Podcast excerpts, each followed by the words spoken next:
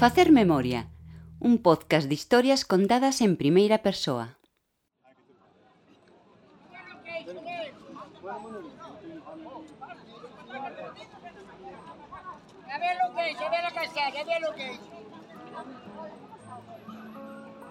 Claro, blandillo. Este este. A ver, aquí Esa manteca de Sí. Se non é queixo, é gloria. Pero que Gloria. quería a mitad, porque isto é moito. Non é moito, pero come, miña non. no, no, bueno. Entón colleu pequeno, colleu Pois pues un montón máis pequeniño, un máis deste. Non que se vou comer eu un cachillo, non? Claro, é que por eso.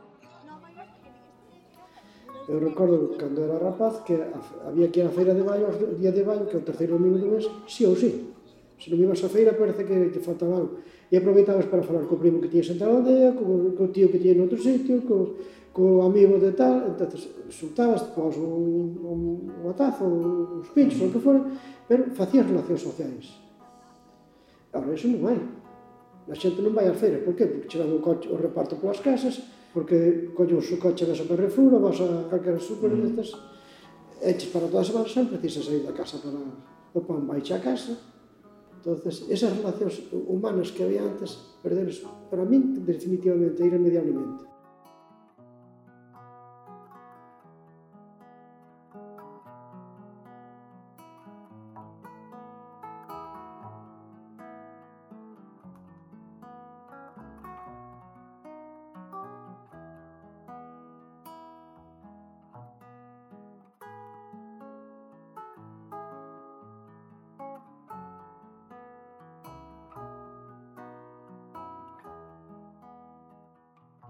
Nos encontros de facer memoria en Carballo botamos unhas risas e emocionámonos, como acontece cando esquecemos as presas, buscamos un lugar para xuntarnos e contamos o que nos pasou, o que nos gustaría que nos pasase, o que lle pasou a alguén, o que quizáis pase, e así, poñéndolle palabras á vida, lanzámolas agora ao aire para que se escoiten, para que se garden e tarden en ser esquecidas.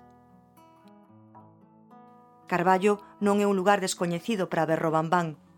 Compañías como a nosa son benvidas nesta terra de público xeneroso, non só para ver e escoitar as nosas historias, tamén cando lles pedimos compartir as súas.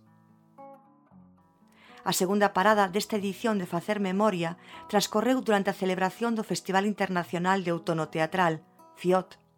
Visitámos o Instituto Alfredo Brañas e percorremos as parroquias de Oza e Verdillo, onde nos acolleron con ganas de pasar un bo momento, ofrecéndonos lembranzas, anécdotas, sucedidos, cos que compón a nosa particular reconstrución da historia do lugar. A orixe de Carballo é o balneario. O Carballo moderno nace no século XVIII, que vai crecendo, crecendo ao redor dunhos baños que se descubriron no século XVI. Ferro Cabeiro, que non é un calquera, arquitecto, é un enxeñero de moita, moito renome, no século XVIII ven fazer aquí un informe precisamente porque hai un pleito que é o dono desas augas e todo eso e el fai un, un informe que é un informe que está no arquivo do Reino de Galicia chega a decir que atopou a arqueta eh, do, dos baños que posiblemente serían os baños máis importantes do Reino de Galicia que é moito decir eh?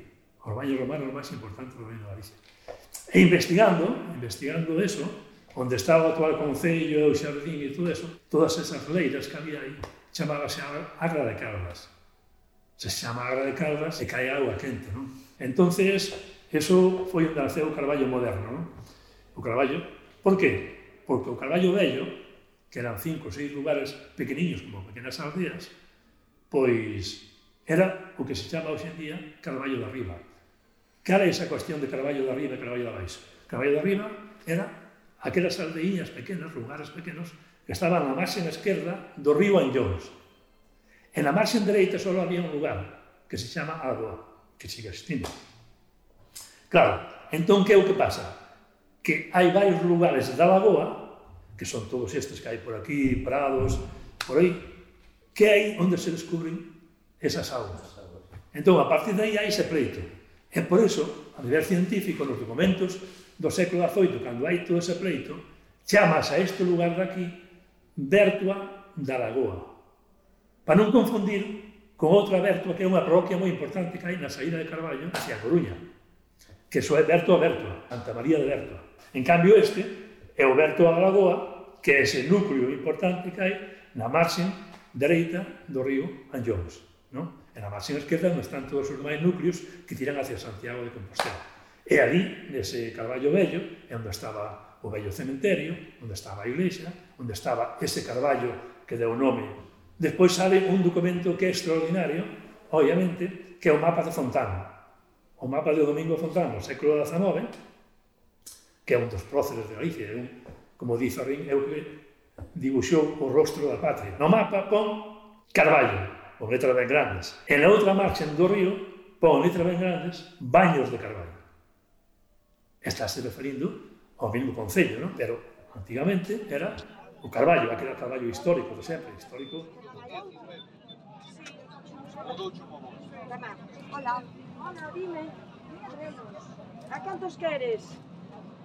A descuberta dos baños de Carballo favoreceu a chegada de visitantes, o crecemento da poboación, dos servizos e, por suposto, dos intercambios comerciais, o que ás veces foi en detrimento doutras aldeas do Concello. Cando se fala de artes verdillas, eh, Sofán, falamos de cando a feira de, de Verdillo se trasladou para aquí no ano 41, que houve de haber paus, porque no Concello trouxeron a forza, e os de Verdillo non querían deixar vir, pero Verdillo estaba máis morta que viva, entonces o cura levantou o personal da parroquia e case hai paus para, para trasladar a feira para aquí no ano 41. En Carballo a feira o segundo, cuarto e quinto domingos Entón, esas segunda parte que do domingo son desas feiras que, ven, que viñeron de Verdillo, de Rus e de Rebordelos.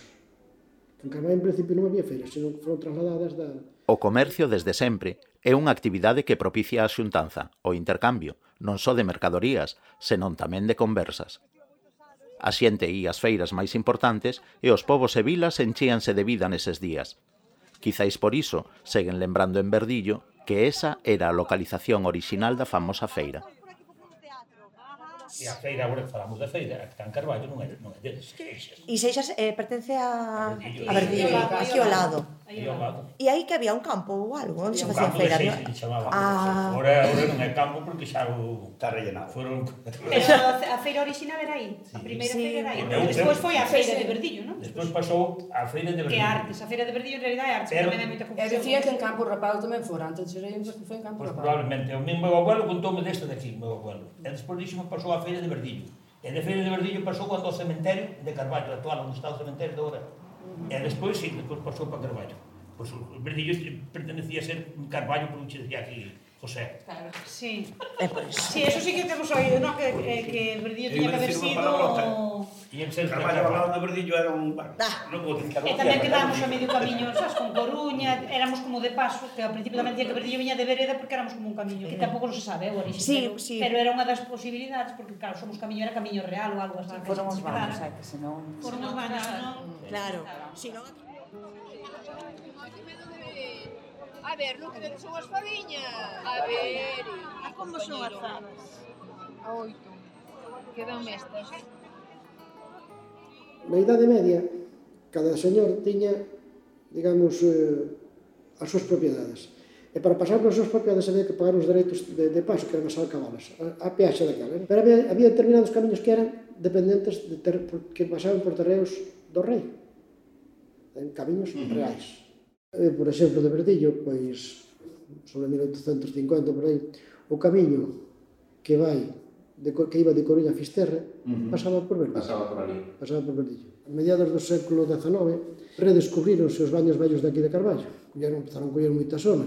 Entonces, os señoritos da Coruña que querían vir aos baños tiñan que vir por unhas corredoiras cheas de lama e manchábanse Entonces fixeron, presionaron para, para que cando se fixa esta estrada a mediados do, do século XIX, pasara por diante dos baños vellos. Entonces, o que era o antigo camiño real que pasaba por, por Verdillo, pola feira de Verdillo e ao Ponte Lubián, pois quedou abandonado. Eh? Tra, desplazouse a, a estrada principal e se pasou.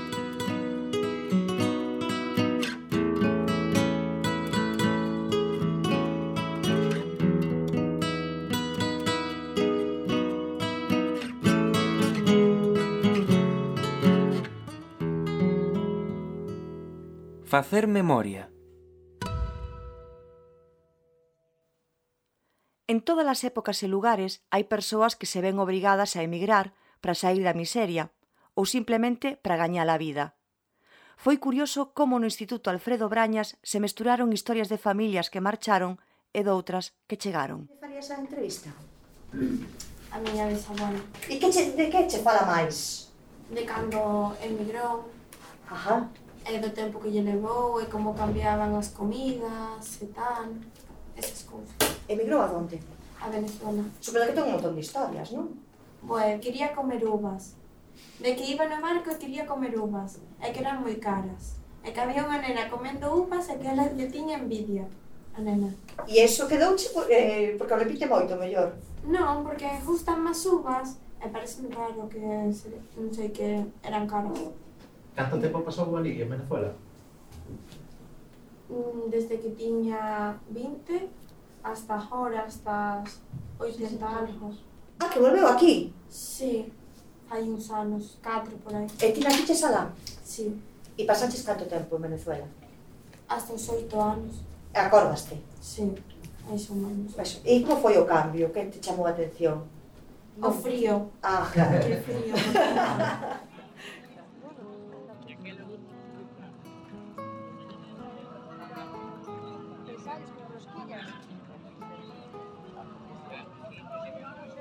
naciches alá en Perú ou xa naciches aquí? Eu nací no Perú.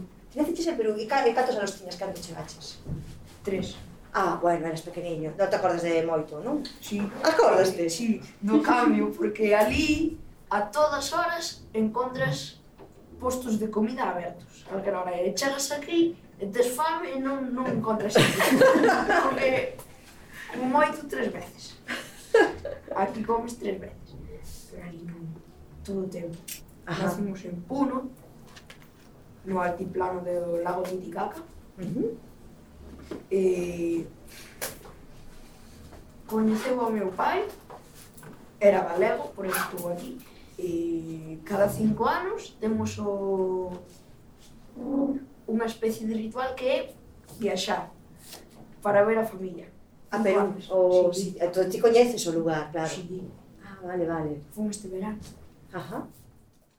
Tamén en Verdillo saíron lembranzas nas que a saudade polos tempos mozos non agochaba esa sensación de estar nunha terra allea, a miúdo cun idioma moi diferente, onde a falta de comunicación e a incomprensión poderían pasar factura se non toma as cousas con humor. Fidel contanos as súas experiencias en Suiza, anécdotas moi relacionadas coa lingua, cos equívocos e con certa retranca para acabar rindo do acontecido, o que en Verdillo é unha verdadeira arte. e a que parte de Suiza? En que, que, que falan? En cantón Zug. era alemán. Alemán. Entre Zurich e Lucerna. Pero nunca falou alemán. No, no. Unha vez pasou a estar traballando na obra e eu levaba ali, non sei, 15 días. Entón estaba, onde nos estábamos traballando, pasaba a carretera que viña do lado do, do, do aeropuerto. E iba Marcial Viaño, viño. E resulta que fixeron ali un depósito grande para pa unha depuradora e meteron unha bomba desta da chiqui en baixo. E daquela chegou o jefe, velho, e dixo que había que quitarla para arriba. E daquela había o acorde, ese tirando para arriba, e o, o jefe o único palabra que sabía era un pouco en italiano, tira, tira. Era que tira, tira, eu tira. Pero no medio deso dixo, jos, ah, te quero decir para, non. Pero eu, caralho, sabía o que era, e me digas que tirando, e jodindo o cortei o dedo que acorda. Virou-se para trás e dixo ele, poderás ao junto pois explico o que é. Não a isto, gracias. Chamou-me puta, porco e cão. Pero o podido dele, o podido dele foi. Depois un cargado pixabas a risa. O podido dele foi que eu pensou, pensou que eu lle entendera. Eu sabia de ti. Estás que graças. Eu pensava no Agora contei o tio de... Ah, sí, sí, bueno. Viña un veciño daqui estaban na mí, en Valencia, un Madrid, ou por aí entón viña facendo teatro, viña para casa. Coincidiu de vir un que viña de, de Alemania, de Holanda, ou de Holanda, Holanda. e viña no coche, e parou E dille, para onde vas? Voy para a Coruña. Pois yo tamén. Sí, yo, yo tamén. E até que fui no coche, tal, e viña falando, eh, todo todos os días. Pois soy de, soy de Coruña, tal.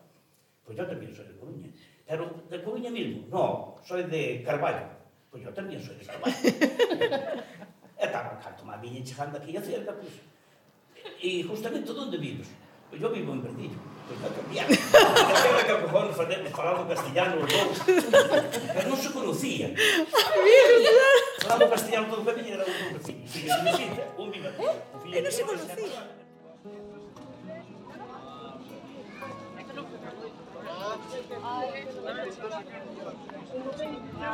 Facer memoria. Se queres coñecer as persoas que protagonizan os episodios, podes atopar fotos e vídeos en berrobambam.com barra facermemoria ou nas nosas redes sociais arroba facermemoria ou arroba berrobambam. Oza limita con Monteneme, onde estaba a mina de Volframio que deu traballo a moita xente que quedou aquí, como a Carmen. Ás veces, acontece que unha persoa comeza a falar unha vez apagadas as gravadoras, e Carmen foi un deses casos. Ela contounos que conseguiu cartos para ter casa propia e mesmo mercou un coche co que lle deron cando a mina pechou.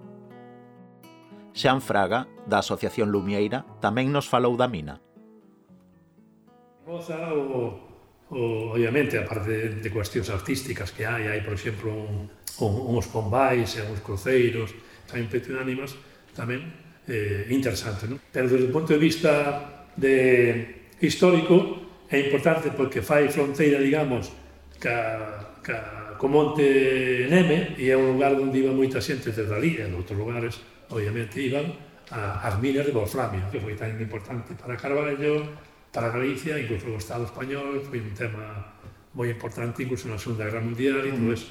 E un dos lugares así que había, aparte de aquí Santa Comba, non, Marilongo, pois pues, en Carballo, en todo Galicia non había eh, sitios de, de minas de Wolfram, pero quizá esta de aquí de, de Barilongo, xunto con de Monteneve, así, pois, aparte que aí, tirando dese fío das fontes orais, pois, débanos a explicar quen era Pedro Abelenda, un que era médico, que tiña un posto de funcionario porque era médico tamén municipal, e como el enterándose polas cuestións legais, pois foi capaz de saber que podía eh, legalizar, facer o que se chamaba a denuncia de, un monte, unha parte do monte, fixose millonario, con eso, non? Tan millonario que deixou a un aí de capataz, caso a vez tamén se fixe millonaria, non? Así, xente que viu como morría a xente de noite, porque hubo algúns disparos, a unha xente xoaba a vida, porque hai que pensar que se ti roubabas algo de Wolframio, podía ganar nun día ou nunha noite que ibas ali o que non ganabas no mes, non?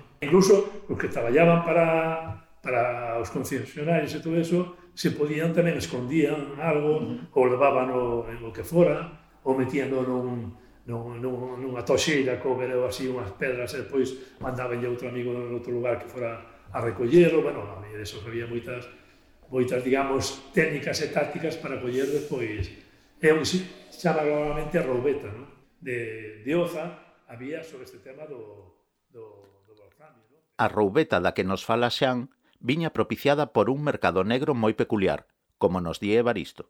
A importancia que tiñen os ingleses non sabían procesar o wolfram para, para usar nas armas pero interesábanlles reventar o mercado. Salamás o que os ingleses o que fomentaban era a roubeta. O sea, xente que pola súa conta ían buscar eh, filóns, pois compraban o wolfram a prezos altísimos para, para que os alemáns mm, lle saíra demasiado cara. Moita, contase que Unha vez que o compraban que o tiraban ao mar, porque non sabían dar uso, non, non, non tiñan a tecnoloxía suficiente uh -huh. para, para fundirlo uh -huh. Wolfram.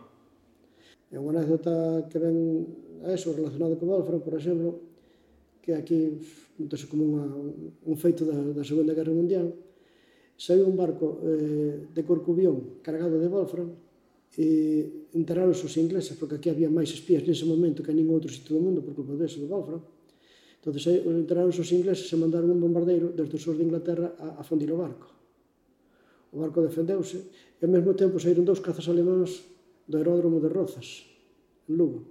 O bombardeiro derribou un dos cazas, que apareceron depois os cadáveres, un na praia de Raza e outra cerca de Coruña, do Porto da Coruña, pero tamén foi alcanzado polo outro caza. Estrelouse aí, nun, precisamente na beira deste río, nun sitio que se chama A Ponte Dona, E os, os cinco tripulantes que eran multinacionais, habían de Nova Zelanda, de Australia, de Canadá, de Estados Unidos, e Inglaterra, pois morreron, evidentemente, no estrellarse. entonces o cura de Cereo, que era a parroquia onde lle tocaba enterrarse, non os quiso enterrar porque non eran católicos. E o de Xornes enterrounos no, fora do adro. E varios días despois veu o cónsul mm, inglés e levou os cadáveres para o cementerio de Lujúa, en Bilbao. Están enterrados en Bilbao. A lembranza das festas axiña provoca sorrisos, risos e mesmo gargalladas.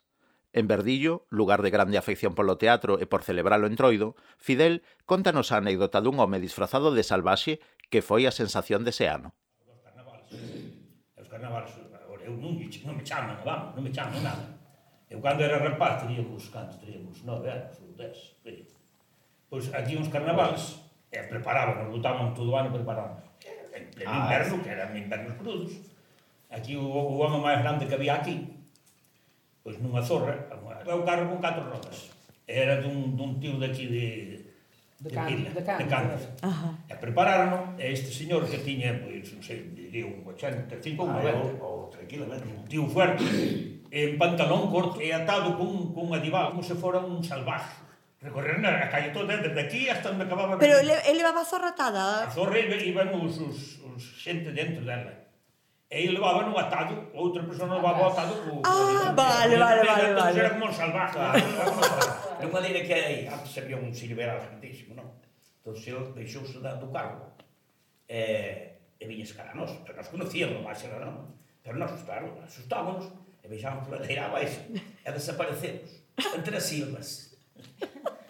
Esta, hasta conmarchou, salimos da Silveira, da Silveira abaixo, facían, facíamos as rodas. Unha vez aquí, nesta casa, aquí era a Trinidad. Aí do Tempo López a, a casa. Aí do López a casa, pois era no tempo do, de, do millo, entón poñían o, o que era a ponta do millo, poñían en palleiros. Chamaban os moños, non? O palleiro era palleiro. Non, pero eles daban atados uns, uns chamaban. Un moño. Un moño era o de... O, o, trigo. Es, o do trigo. E o outro, se cabalete. Entonces, cabaletes de millo. Entón, ah, puxemos, puxemos tres ou catro na cara, no medio, medio da carretera. E daquela o único coche que pasaba era o de Manolo, de Rubio. Pasaba coche cada dúas semanas. Da feira, viña das feiras que a xente. E cullou chegou aí e parou. Menos mal que parou, que había unha persoa dentro. Dentro do moño? Do sí. Había, sí. Claro, de couto. E que facía aí dentro? Por unha, unha broma que lle puxeron resulta... A do, do millo, da... da... Se aguantaba. Entre o trubillo, puxémoslo, puxémoslo o ou pato e ele dixo no medio. E parou. E apartou. A máis que le pido con patas cansa. Pero depois ele volviu para baixo e cando volviu do bota para arriba facía varios viaxes. Volvían a tarde outra vez. E xa non parou, pasou por encima. Pero non estaba... Pois xa non estaba... Xa non estaba... Xa non estaba. Ah, Luciano. Ti mira que cousa está tío con os outros entretenimiento. Bueno, pero eso son...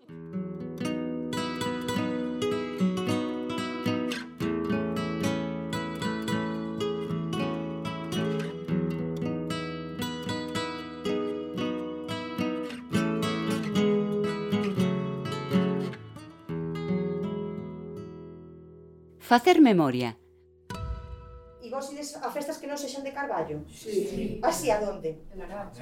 A la, e como ides? En coche. En coche. En coche. Anda, que dixo andando? Ah, a ver, a ver, tú era a Callón, por exemplo. E que canto tempo leva?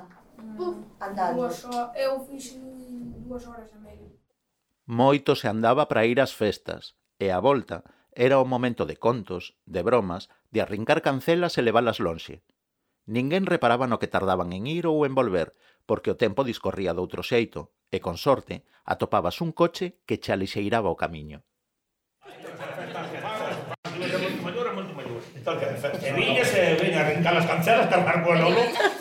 Alobar os longe. A sofá, a Artus, a Bertua, a Garacha. A Garacha andando. Sí, sí, e viñamos desde Monte Mayor hasta a Paradela no, no coche de Pallas para non nos quixo traer aquí, que la deixamos en Paradela, e viñamos andando, e aquí no forno había unha taberna ali.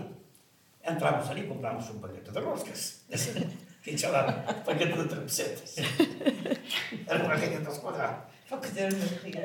Sí, sí, a beber non bebemos nada, porque non había máis, non había máis. Polo medio dos camiños, por aí, para as 4 da mañá, ou as 5. E cando nos cansábamos, sentábamos, agora... E de la Si, eu comíamos a rosca, a, a rosca comíamos as todos. Porque se non pasaba, fomos unha pandilla deles, comía cinco ou seis, claro. E un deles tiña bicicleta. Tiña bicicleta ao pillo. E dicía allí, e dicía, a ver, deixa ir un pouquinho na bicicleta, tal. Nada. Eh. E dicía o outro, o que se poñía debaixo do, do millo, a patadas que me dicen. E veña patadas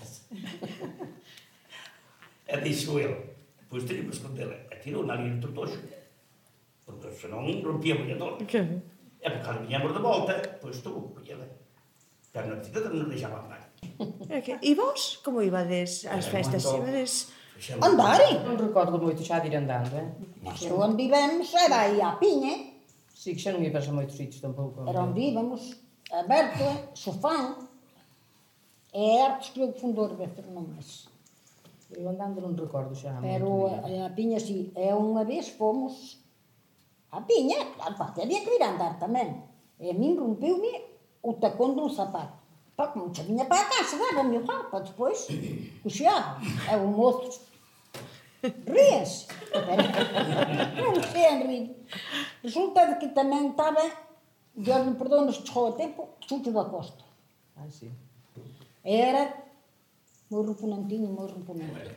Para Juati, E o que havia, aí não no campo rapaz caminhou baixo, muro alto, é era é assim como. Aí ele foi-se meter com Lena de Lameiro, se a conheceste. Bem. Eu também, junto a Ou ela, Ele disse-lhe, ela, parta-te morcilheta, armacarro, mostra. É, é de que eles diz que era um apelido mal, Ah, oh, uma carro mostra. Era um circunfador, perdoe um puxão. Aí é dentro de arriba, aí para baixo. É, bem, é? não é assim, com os assim. assim. E como fichetes com, com o tacão? Andando assim. Um é assim andar está a caixa. Minha madrinha. É para tu me tirar com os sapatos. Чтобы не porque а таком. Ну, куда o такого? Чтобы не раз таком, se for claro, isso, pois. Esse primeiro, esse Chuchu da Costa. É? Esse foi, o, o, foi a, primeiro, a primeira operação de transplante do coração televisada. Sim. Foi a ele. Sim. Sério, sério. A noite, a escuridade, impoñen respecto. Aínda que volvas dunha xolda, chegan as historias da Santa Compaña que algunhas persoas poden ver e outras non, igual que hai persoas que saben recoñecer os avisos de que a morte anda preto. Unha vez Unha vez morrer unha señora de enfronte a nosa casa que se chamaba Teresiña de Galdón. Eu recordome de ver con 12 anos ou 13 ou así, e recordome de ver a mamá chegarse a xanela e dicíanos a todas Achegádevos acá, neniñas, que aí vai a Santa Compaña a buscar a Teresiña que morreu. E nos non víamos a ninguén, eu polo menos non vi a ninguén, pero ela sempre dicía, vai a Santa Compaña a buscar a que morreu. Pero nós non víamos a ninguén. No episodio anterior do podcast Falamos das vedoiras, mulleres que podían ver o que para o resto estaba oculto. No encontro final en Verdillo, Sara, do colectivo Senda Nova, contanos unha historia na época da Guerra Civil sobre a súa aboa e unha muller de Carballo que dicían que vía. Por exemplo, da, da Guerra Civil. ¿no? De canto... Bueno, xa a miña aboa serían, pois, os... serían os tataravós. E contaba que tres tíos dela os que tiveron que, que ir á guerra. E que houve houbo dous que sí que, bueno, volveron sin, sin dificultade aparente e demais, pero había un que, que non daba chegada. E chegaba eh, información de que estaba vivo. E daquela, eh, a nai decidía pois, que habería xa que empezar a jarrar o Claro, porque se nos obligaron nada de Pero, eh, como nesta situación sempre buscas pois, algún par, non? pois ela iba a Carballo anda unha muller que decían que vía. Non? E cada vez que iba ali, ela decía que eh, non empecedes a cantar leito. O teu fillo está vivo. Ela volvía para casa pois, con, con esperanza. Non? Pero volvía a pasar os últimos meses e o seu filho non chegaba a casa. Daquela volvían a organizar de volver a ir a Carvalho para, ser, para que esa muller pois axudase. Chegaba sempre pues, coa esperanza ali de que me hija que se vivo. E volví allí. E dicía eh, non te preocupes, eh, o teu fillo se si, a volver para casa. E nunha desas, un irmán dele estaba bueno, vixiando. E de repente eh, había pues, unha morena de, de xente e eh, estaba así co fusil. E viu que un se, se remexía. Eh, mirou para mí e dixo, meu irmán tirou o fusil en baixo que, que non se podía facer eh, por nada do mundo arbolou o fusil e achegouse a un abrazo e despois se puderon eh, dar o aviso de que eh, pues ese fillo que estaba vivo. E a nai, eh, cando dieron o aviso, pois tan contenta non? que, di, que di miña boa que, que ás veces eh, as noticias malas pois que, que te entristecen moito, pero que alegrías tan grandes tamén que son moi duras. Que fregou tanto as mans que chupou a queimanas. Do contenta, do contenta que se puxo. E descalzouse moza na, na pedra do lar Voy a hablar de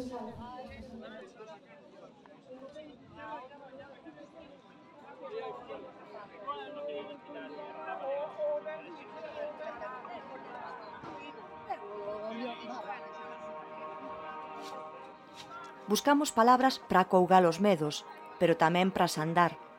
As palabras de quen cura son un saber que se transmite oralmente – Moitas mulleres tiñan a velencia para sandar doenzas e sempre acompañaban o ritual de curación cunhas palabras, responsos ou ladaíñas, pero se non transmiten o saber, non as lembran.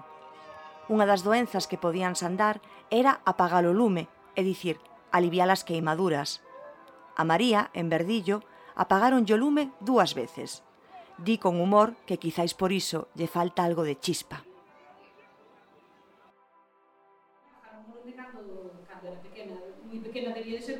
miña daquela puxeme puxeme de pé na porta do forno que estaba quente e queimei as mans e cando se queimei as mans porque me queimaban queimei a frente tamén non? esa foi unha das veces pero a mí arrojaron nome dúas veces porque me queimei unha segunda vez Eu recordo que despois contaría cando eu era pequena e cando fui medrando esta anécdota contabase na casa pero eu fun consciente moito máis tarde da repercusión que tuvera ou de que me apagaran o nome tantas veces, despois na miña vida que nunca fui moi apasionada, nin enamoradiza, nin nada, nada, dixe, pois isto ten que estar relacionado con que me apagaran o nome de Barrera, senón es que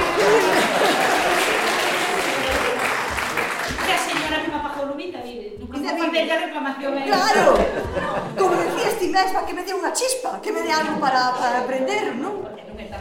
E o de apagar o lume, eu, xa que teño ti, ti non te acordas que facía, non? Ah, non, non, eu de un ano, menos, non Pero sí que decía máis palabras. Ah, pero ah, ti, ah, claro, estás aí a nai. Vamos a ver. pero ti estabas diante. Sí, pero non me acordo. Non te acordas tampouco. Pero non lle fixo nada, ela en silencio. Non ninguén do que está, do que está Yugoslavi foi... Agora que está como media hora concentrada. A que apaga o lume. Sí, está preocupada porque non hai nadie que sepa que siga eh, a súa sabiduría. E, e non telas ninguén na familia que lle pasase? Non. non. Ah, yo, Pero a filla non quere. Agora, coas novas tecnoloxías, xa non é preciso desplazarse para que che apaguen o lume. Hai que non fai por teléfono, abonda, iso sí, con saber as palabras.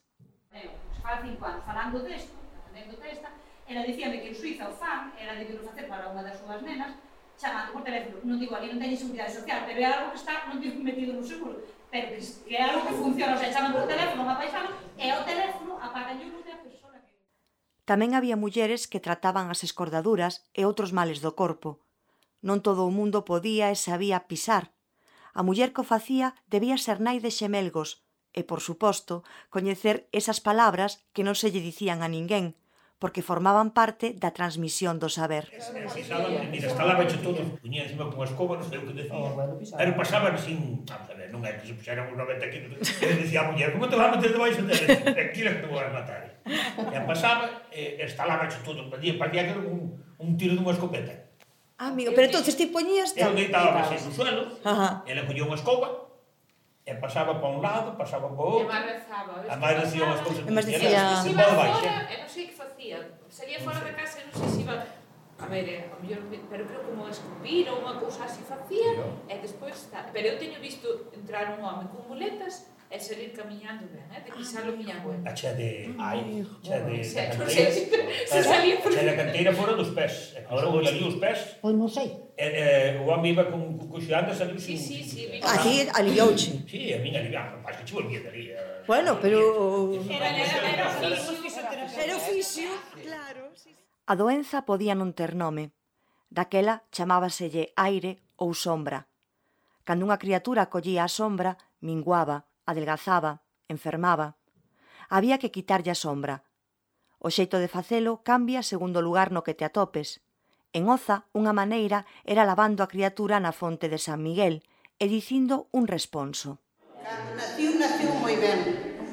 E despois enfermou de repente. Cando tiña seis meses, pesaba menos que cando naciu. E eu son abuela de María do Mar. pegar para a direita. É é, é, é, é eu lembro, era irmã marido. Pode mais, eu conto, vocês acordam que era nena também. Pero se o meu marido a, a minha filha, entramento não tinha que ter de la Sombra o neno, não há gente. Ainda mais o filho. É, é se ele é a minha filha, bueno papá, bueno. Bueno, se vai do canto. Pero o neno tinha a, a forma de, cria, de criatura, que depois não tinha nada. É mais um dia, que não estavam aqui, que estavam a onde vivo, Maria do Mar. É mais um dia, a minha filha, mais uma vizinha, porque eu tinha que levar uma, é trazer o outro. Não levar com a minha irmã, é trazer a minha irmã. É levar uma roupa, é deixar ali, é deixar a roupa que levava. Ali, é poñer e outra é levar para casa. Uh -huh. E efectivamente levaron. E non sabían se tiñan que tirar os pés para arriba e o cabelo para baixo. Eles meteron debaixo do grifo, que ten, diz que ten dous grifos. E na, nos dous grifos. O rapaz desde aquel momento empezou a crecer, e iso que era ingresado na Coruña. E mi as enfermeiras dali aos días dicíanlle a miña filla, pero este é José Antonio. É, non é incrível que sea José Antonio. O neno pasou a dar, pasou a dar, pero a enfermedade do neno quedou no, na elva de, da fonte de San Miguel. Outra maneira de quitar a sombra era queimando un toxo e envolvendo as cinzas nun pano. O pano mollábase na auga da fonte de San Miguel e pasábaselle a criatura desde os pés á cabeza, mentres dicían unhas palabras que só lembra quen sabe diso. Despois podían quedar no pano pelos de gato ou unhas manchas vermellas que se identificaban como sangue. Así sabían se a sombra era de animal ou de persoa. Despois botábanlle por baixo da artesa de amasar o pan. Botábanlle unha erva e máis non sei que, que xa non me recordo. Eu sei que torcían o trapo. Torcían o trapo e botaban ao lavado da criaturiña botaban ya auga por aquí, que colaban no trapo branco. Entón torcían ben o trapo para saber de que tiña sombra, ou de gato ou de puller. Entón se che saían unhas cousiñas vermellas e que era de muller.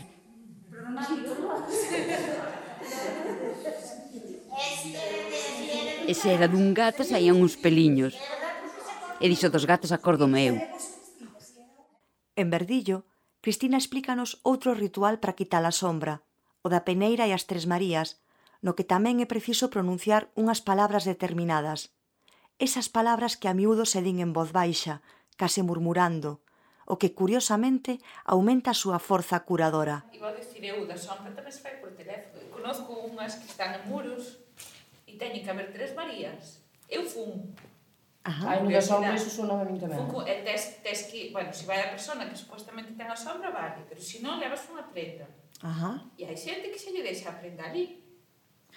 Entón, ti chamas por teléfono e dixe, mírame se teño a sombra.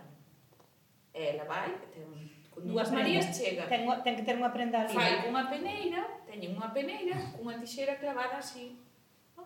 E ti colles por un lado da tixeira e ela polo outro e di, como era? Peneiriña de Peneirar, se é sombra... Bueno, dixe que se é dun animal que vire para o lado e se é dun home que vire para o outro. E vira, e vira, vira. E eu contando, non se movía o brazo, nin a man. E ora fan por teléfono, ti chamas e dislle, e hai xente que se lle deixa os cartos ali para a próxima, se teño... Se pero, pero, pero, pero entón, ti por teléfono dislle... E se dá un nombre, ti dixe, pois pues, Cristina, ta, ta, ta, ta, ta, ta, ela di, eh, dime se Cristina ta, ta, ta, ta, ta, ten a sobre eu fun un domingo e tuve que esperar ali hai cole eh? Ah, Amiga. Se además tens que ir con cita, eh?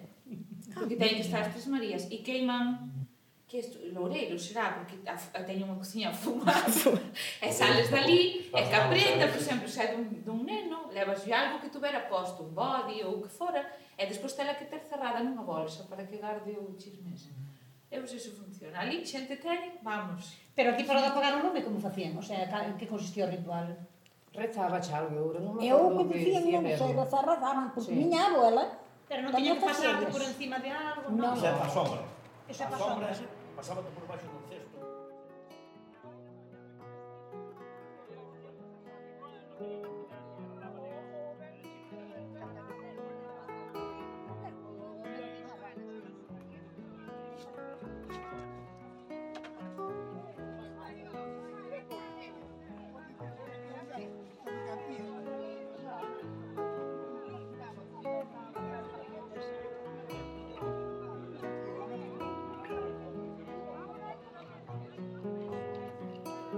O final do encontro de Oza, do Linda, ofreceuse a dicirme as palabras para apagar o lume, porque sabía que eu non ia utilizalas en beneficio propio. Quedou en escribirmas nun papel, pero quizáis sexa mellor mantelo segredo, e que a sabedoría vaya pasando de xeración en xeración, seguindo as súas regras.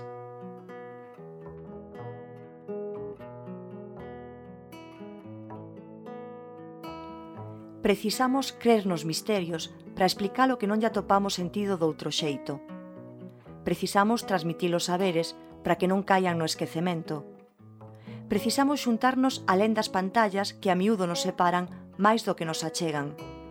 Precisamos prestarlle atención ao que se está perdendo.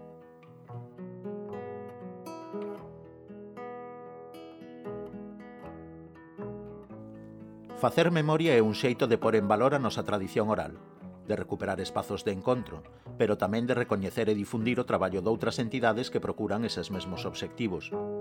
Por iso, non queremos rematar este episodio sen falarte de Historias de Inverno, un proxecto que a Asociación Senda Nova desenvolveu nas comarcas de Bergantiños e Soneira e que garda moitas semellanzas con facer memoria. Bueno, foi un programa que, que se sacou a raíz de que Senda Nova estábamos facendo rutas e pasaba por ali pois, unha veciña, un veciño e preguntaba se pois sabe de esta igrexa que non sei, pois de onde puido vir o campanario ou o que sea? E, e contaba non? a través de, deles pois ibas conocendo un poquinho máis pois, o, matri, o patrimonio tanto material como inmaterial. E, e a raíz deso pois viu a necesidade de facer eses encontros. E daquela dixemos, bueno, pois, ca, do mellor que no inverno, non? Ao carón dunha lareira e montar todo iso. Non sempre foi posible a carón da lareira, porque na maioría dos casos foi en centros sociais.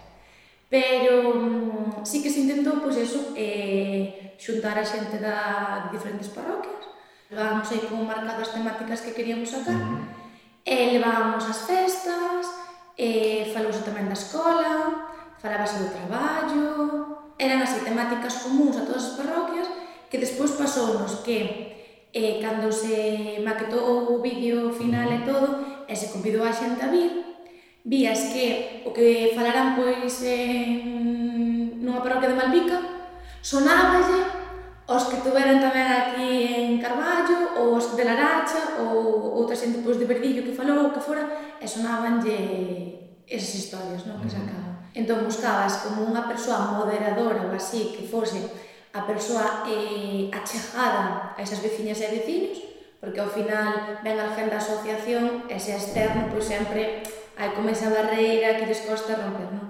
Entón, eh, a través de persoas así da asociación, achegadas a eles, buscabas pois un perfil, e busquei pois, intentabas buscar tanto mulleres como homens, xente máis bella ou xente máis nova, que viviu pois, bueno, diferentes eh, experiencias, diferentes situacións a nivel social e todo eso, ou, por exemplo, mismo co franquismo, non? que viviron pois, diferentes perspectivas.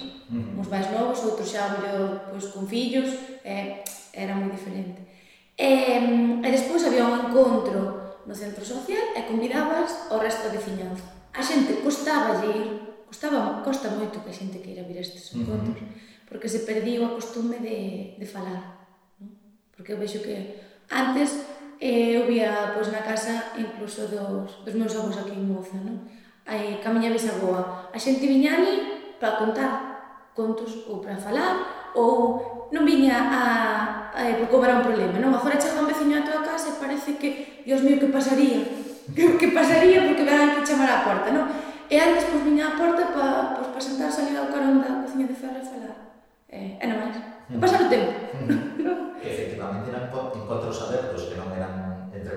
sempre que na casa, eh, un veciño, unha veciña di, ah, pois eu si, eu lembro, e entón ainda pode apuntar unha cousiña máis e ten tamén a cousa de e isto non vou contar agora aquí diante dos vecinos. Claro, sí, sí.